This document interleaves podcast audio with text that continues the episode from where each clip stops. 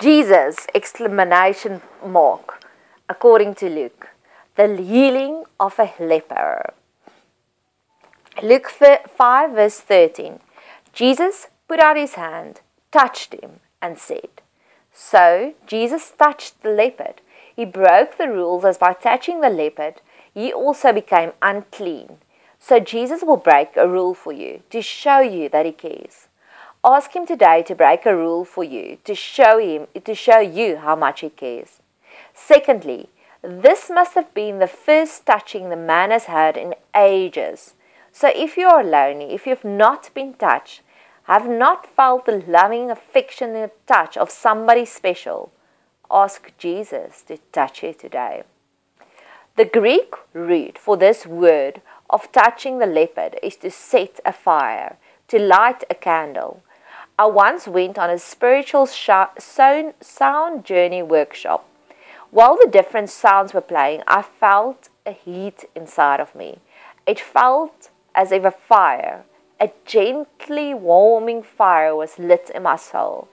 I've also heard that sometimes people will refer to someone as an ice queen.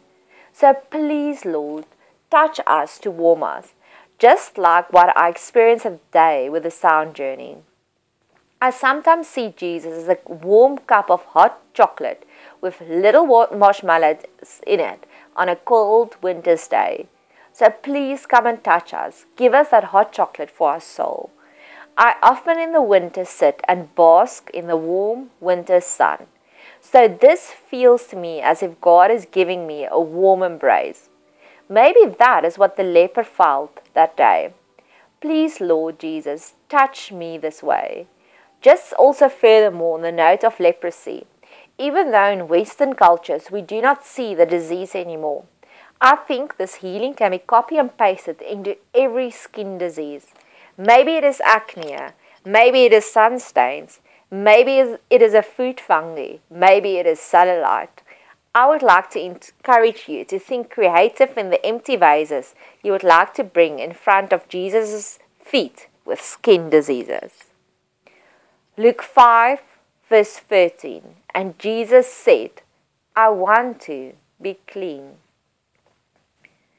I could marvel at this simple, simple sentence for days to come. Firstly, Jesus wants to heal us, He wants to help us. I have this very lovely friend. I call her my mommy dearest friend because she always mommies me. Where I needed assistance with our prayer garden at Seba. And we were working the whole day and we reached a point where she could decide if she wanted to go home or still continue with other chores that also needed to be done there. And then I said, if you've had enough, you can go home. And she looked at me and she's got the most beautiful big eyes. And she said, Nadia, I want to help you. And this is the way that I see Jesus as well, that he stands in front of us every day and say, I want to help you. May we daily see this manifest, that he wants to help us. I once heard the story of Joyce Meyer telling the story that God whispered softly into her ear that he wants to help her with her hair doing her hair in the morning. May Jesus too reveal to us daily new aspects that He wants to help us with new things in our life. I've asked God to help me wash my car or to help me see the deeper meaning of the Bible. May He show new and new ways where He wants to assist us with. Secondly, what I see in this verse, it is easy there are no confessions of guilt. As with the first instance with leprosy, it was based on Miriam's gossip behind Moses' back. So leprosy walks hand in hand with some wrongdoing on our part. There was no of this.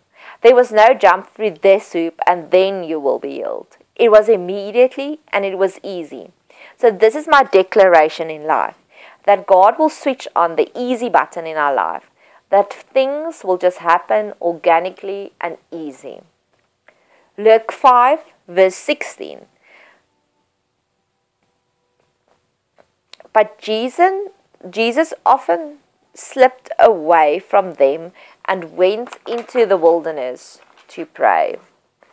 This is the second reference to Jesus slipping away, going to a private place to go and pray.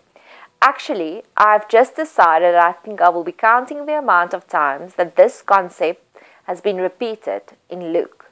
For something to repeat it over and over numerous times by a Hebrew or Jewish person, like Luke, we have to sit upright and pay attention, as the Jewish people were very meticulous in what they repeated. So, what I think that we can pray on this stage was that the same spirit that drove Jesus into the desert, into the secluded and alone places, the same motivation Jesus had to spend so much time alone with God, may He too infuse us with that same spirit. May He too give us some kind of motivation to also spend so much time alone. I also have another further deeper and more profound prayer. I want to eavesdrop in the conversation they had together. I can only imagine what was said during these solitary periods. I have heard and seen the manifestation of the spirit of loneliness. I have heard many stories about the crazy things that people do when they are lonely, i.e., jumping in the wrong relationships.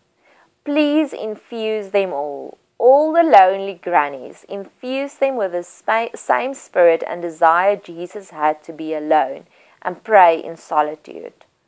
Make it as memorable and as pleasant as it was to Jesus. Please, Jesus, teach us how to crave and desire the solitude times and seasons the way you did. Like a word of mouth referral. When your friend tells you about a movie or a restaurant and they entice you so much to watch the certain movie or eat at the specific restaurant, please place the same hunger in us.